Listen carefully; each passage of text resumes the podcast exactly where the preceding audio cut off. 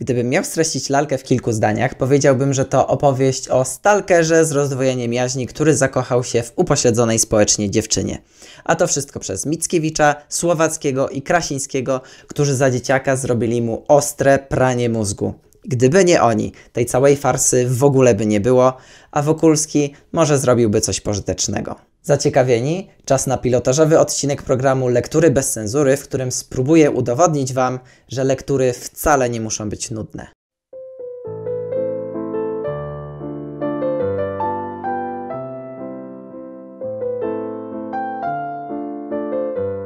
Bolesław Prus, a właściwie Aleksander Głowacki, urodził się 20 sierpnia 1847 roku w szlacheckiej rodzinie nie no dobra, umówmy się, nie będziemy tu gadać o nudnych rzeczach, które znajdziecie na Wikipedii.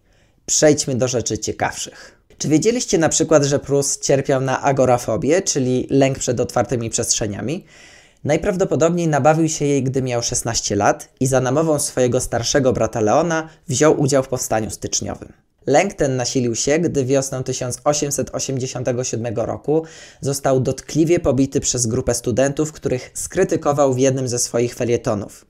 Od tamtej pory Prus bał się nie tylko otwartych przestrzeni, ale też zbyt przestronnych widoków z okna. Agorafobia była tak silna, że gdy raz w życiu udało mu się pojechać do Paryża, zwiedził tylko połowę miasta, bo bał się przejechać przez most na drugą stronę Sekwany. Autor lalki naprawdę nazywał się Aleksander Głowacki, a Bolesław Prus to jego pseudonim literacki. Czemu zdecydował się na taki krok? Czy to dlatego, że był powstańcem i mógłby mieć problemy, na przykład z cenzurą?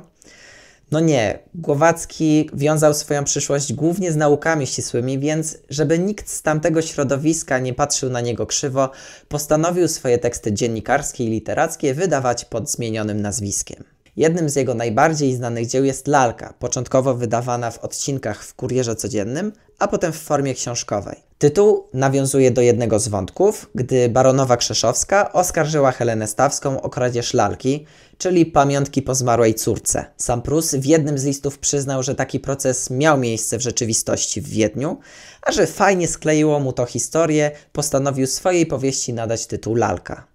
No ale pojawili się ludzie mądrzejsi, którzy stwierdzili, że Prus się nie zna i że tytuł ma jeszcze więcej znaczeń. Tytułową lalką ma być Izabela Łęcka, która może jest ładna, ale jednocześnie pusta i głupia. Mówi się też, że tytuł może nawiązywać do Wokulskiego, który zachowuje się tak, jakby własnego rozumu nie miał i był marionetką. A gdyby tego było mało, to mówi się też, że lalkami mogą być wszyscy ludzie, którym wydaje się, że mogą o sobie decydować, a tak naprawdę na nic nie mają wpływu. A moim zdaniem tytuł nawiązuje do tego, że Wokulski chciałby, żeby Łęcka została jego lalką i że w tym kontekście Nieprzypadkowo słowo lalka pojawia się w powieści dokładnie 69 razy. Domysłów co do znaczenia tytułu w ogóle by nie było, gdyby Prus nazwał swoją powieść tak jak początkowo planował, czyli trzy pokolenia. Odnosiło się to do trzech najważniejszych bohaterów: Stanisława Wokulskiego, Ignacego Rzeckiego i nie do Izabeli Łęckiej, tylko do Juliana Ochockiego. Chłopak z pochodzenia jest arystokratą, ale ewidentnie gardzi tą kastą. Nie pociągają go ani bale, ani tytuły szlacheckie, a tym bardziej romanse czy małżeństwa. Zajarany jest za to nauką i marzy mu się na przykład wynalezienie machiny latającej. Ochocki jest przykładem pozytywisty, który uważa, że tylko nauka ma wartość i tylko dzięki niej można cokolwiek osiągnąć. Z drugiej strony mamy Ignacego Rzeckiego, zarządcę sklepu galanteryjnego i dobrego przyjaciela Wokulskiego. Jest autorem pamiętnika starego subiekta, w którym opisuje m.in. aktualną sytuację polityczną, wspomina stare dzieje, czy opisuje działania Stacha z własnej perspektywy. Rzecki jest romantykiem, ale takim hardkorowym. Po pierwsze, brał udział jako żołnierz w wiośnie ludów. Po drugie, był marzycielem i lubił żyć przeszłością. A co najważniejsze, był przesadnie zainteresowany polityką. Uważał, że zaborców przegoni jedna osoba, jakiś zbawiciel narodu i że będzie to albo potomek Napoleona, albo sam Wokulski, którego podejrzewa o działalność konspiracyjną. I obok nich cały na biało wchodzi on, Stanisław Wokulski, trzeci z pokolenia idealistów. Typ jest jak kanapka z masłem, szyneczką, dżemem truskawkowym, ogórkiem kiszonym i bitą śmietaną. Niby oddzielnie wszystkie składniki są całkiem spoko, ale ich połączenie może być e, kontrowersyjne. A Wokulski jest mieszanką emocjonalnego romantyka i trzeźwo myślącego pozytywisty. Gdyby Wokulski był tylko pozytywistą, byłby z niego całkiem spokoziomek. Bezinteresownie pomaga osobom w trudnej sytuacji, ale nie na zasadzie daje pieniądze i nara. Swojemu byłemu pracownikowi Wysockiemu daje pieniądze na nowego konia, żeby dalej mógł pracować jako woźnica, a przy okazji załatwia jego bratu robotę dróżnika w Skierniewicach. Innym razem podczas kwesty wielkanocnej wyczaił prostytutkę Mariannę i wysłał ją do sióstr Magdalenek, żeby tam wyszła na ludzi i zajęła się krawiectwem. Pomógł też Węgiełkowi, Helenie Stawskiej. No generalnie chłop miał nie tylko kasę, ale też pomysł, jak ludzi ogarnąć. Sam Wokulski stwierdza, że z takim hajsem mógłby pomóc naprawdę wielu biednym ludziom, ale w sumie to on nie jest Chrystusem i nie zamierza poświęcać się za całą ludzkość. Wokulski jest też całkiem ogarniętym handlarzem. Ma sklep i buduje kolejny. Zawiązuje spółkę do handlu ze wschodem. Sam zresztą poznał, czym jest ciężka praca, bo wielkiego majątku dorobił się na wojnie. No a umówmy się, że wojna to nie jest wygodniutka praca w korpo z 8-godzinnym dniem pracy, wypłatą dziesiątego i owocowymi czwartkami. Wokulski miał też całkiem spore ambicje naukowe. Za młodu wydawał pieniądze na książki, chociaż jego ojciec uważał, że lepiej byłoby przeznaczyć ten hajs na przykład na adwokatów, którzy mieliby pomóc w odzyskaniu majątku i tytułu szlacheckiego. Gdy po powstaniu został zesłany na Sybir, nie obijał się, tylko się uczył i zdobył nawet tytuł naukowy. A gdy w Paryżu spotkał doktora Geista i dowiedział się, że przy odrobinie zaangażowania i chęci do pracy można stworzyć metal, który jest lżejszy od powietrza, gotów był zapomnieć o wszystkim, co działo się w Warszawie i zająć się nauką. Poza tym był otwarty i bardzo tolerancyjny. Niestety Wokulski to nie tylko genialny pozytywista, ale też turbo emocjonalny romantyk, bez pamięci zakochany w Łęckiej. A trzeba przyznać, że historia, nazwijmy to miłości Stanisława i Izabeli to jedna z bardziej popieprzonych historii w polskiej literaturze. Wokulski generalnie nie przepadał za towarzystwem, ale któregoś dnia za namową Rzeckiego udał się do teatru. Tam ujrzał Izabelę Łęcką i stwierdził, że to najpiękniejsza i najwspanialsza istota na ziemi. Była dla niego boginią, na którą on, zwykły śmiertelnik, nie zasługuje. Co nie przeszkodziło mu jednak zostać stalkerem, bo od tamtego wydarzenia chodził na wszystkie przedstawienia, koncerty i odczyty, na których pojawiała się panna Izabela. Przez ten cały czas nie zamienił z nią nawet słowa, tylko gapił się na nią i zastanawiał się, jak się do niej zbliżyć. Któregoś dnia stwierdził, że dziabnie Izabelę, kiedy będzie miał kasę i stanie się arystokratą. Dlatego też, gdy pojawiła się możliwość zarobienia na wojnie, wziął 30 tysięcy rubli po zmarłej żonie i wyjechał do Bułgarii. I tam wcale nie handlował bronią, jak mówiły plotki, tylko dostarczał żywność i na tym zarobił tyle, że do Warszawy wrócił obrzydliwie bogaty. I wtedy zaczął realizować swój niecny plan. Sytuacja finansowa Łęckich była, delikatnie rzecz ujmując, niezbyt ciekawa, co Wokulski próbował skrzętnie wykorzystać. Najpierw wykupił ich weksle i srebrne naczynia, tym samym uwalniając ich od bieżących długów. Wylicytował kamienicę Łęckich za 90 tysięcy rubli, chociaż była warta maks 60 tysięcy. Kupił nawet konia, żeby brać udział w eventach, na których pojawiała się Izabela. Ukradkiem też uczył się bardzo modnego wówczas języka angielskiego. A co na to Izabela? Powiedzmy, że nie była tym zachwycona. Czuła się osaczona przez typa, którego praktycznie nie znała i słyszała o nim tylko plotki. Był od niej prawie dwa razy starszy. W ogóle jej się nie podobał, a nawet ją przerażał. Z czasem jednak spędzili ze sobą trochę więcej czasu i zamienili nawet kilka zdań. Wtedy Izabela przekonała się, że Wokulski zrobi dla niej wszystko. A skoro tak, to może być jednym z jej kochanków. Ostatecznie dochodzi nawet do tego, że Izabela i Stanisław zaręczają się, a Wokulski na znak oddania wręcza Izabeli medalion z kawałkiem metalu lżejszego od wody, który dostał w Paryżu od doktora Geista. O tym, że Wokulski myślał organem innym niż mózg, dowiadujemy się kilkukrotnie, ale on sam przekonał się o tym podczas wspólnej podróży pociągiem do Krakowa. W przedziale znajdowali się on, Tomasz Łęcki, Izabela i jej kuzyn Kazik Starski. Gdy tylko pociąg ruszył, Izabela ze Starskim na luzie zaczęli rozmawiać po angielsku, bo myśleli, że Wokulski i tak nic nie rozumie. Z rozmowy wyraźnie wynika, że pomiędzy Łęcką i Starskim doszło do czegoś więcej i że nie był to ani pierwszy, ani na pewno nie ostatni raz. A w ogóle to podczas macanka zgubili blaszkę od Geista, więc generalnie przypał podwójny. Gdy Wokulski o tym usłyszał, wysiadł nagle na stacji w Skierniewicach i próbował rzucić się pod pociąg. Ale w ostatniej chwili uratował go dróżnik Wysocki, ten, któremu Wokulski wcześniej załatwił pracę. Możecie powiedzieć, jaki biedny ten Wokulski. Tak się starał, tak bardzo kochał, a ta głupia Izabela nie potrafiła tego docenić i odwzajemnić jego uczuć. Ale czy na pewno tak to wygląda? Wyobraźcie sobie taką sytuację. Jest Kasia, młoda i wyjątkowo piękna dziewczyna. Jej rodzice są prawnikami, dlatego sama też skończyła studia prawnicze i obecnie przygotowuje się do aplikacji. Jej plan na życie jest prosty. Najpierw zostać adwokatem, potem znaleźć męża, najlepiej też prawnika, żeby założyć wspólną kancelarię, potem dom, dzieci itd. Tak Tymczasem w naszej młodej prawniczce zakochuje się prawie 50-letni Gienek, mieszkaniec pobliskiej wsi, a do tego wdowiec. Najpierw nawiązuje kontakt z jej krewnymi, potem z rodzicami. Wreszcie udaje mu się z Kasią chwilę porozmawiać. Rozmowa się nie klei, bo oboje pochodzą z dwóch różnych światów, ale Gienek i tak jest cały w skowronkach. W pewnym momencie Kasia spostrzega, że gdziekolwiek by nie poszła, natyka się na Gienka, a do tego jakiś anonimowy wielbiciel przysyła jej do domu dziwne upominki.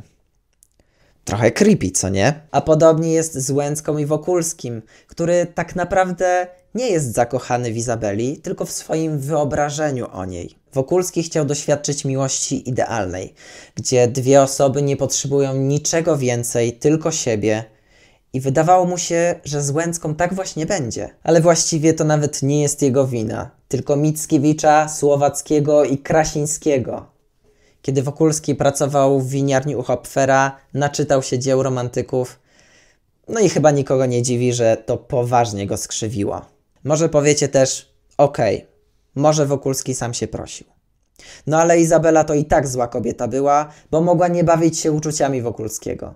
Skoro i tak zamierzała go zdradzać na prawo i lewo, to mogła przynajmniej nie robić mu nadziei. Tyle, że podejście Łęckiej nie jest niczym niezwykłym bo praktycznie każda arystokratka myślała podobnie. Dowód? Kiedy Wokulski był w Zasławku, zainteresowała się nim Kazimiera Wąsowska. Pojechała z nim na konną przejażdżkę, podczas której ewidentnie na coś liczyła. Wąsowska zdradziła mu, że lubi być kokietowana i z całej rzeszy adoratorów wybiera sobie jednego, z którym zabawia się przez jakiś czas, a potem znowu robi casting i wybiera kolejnego lasa.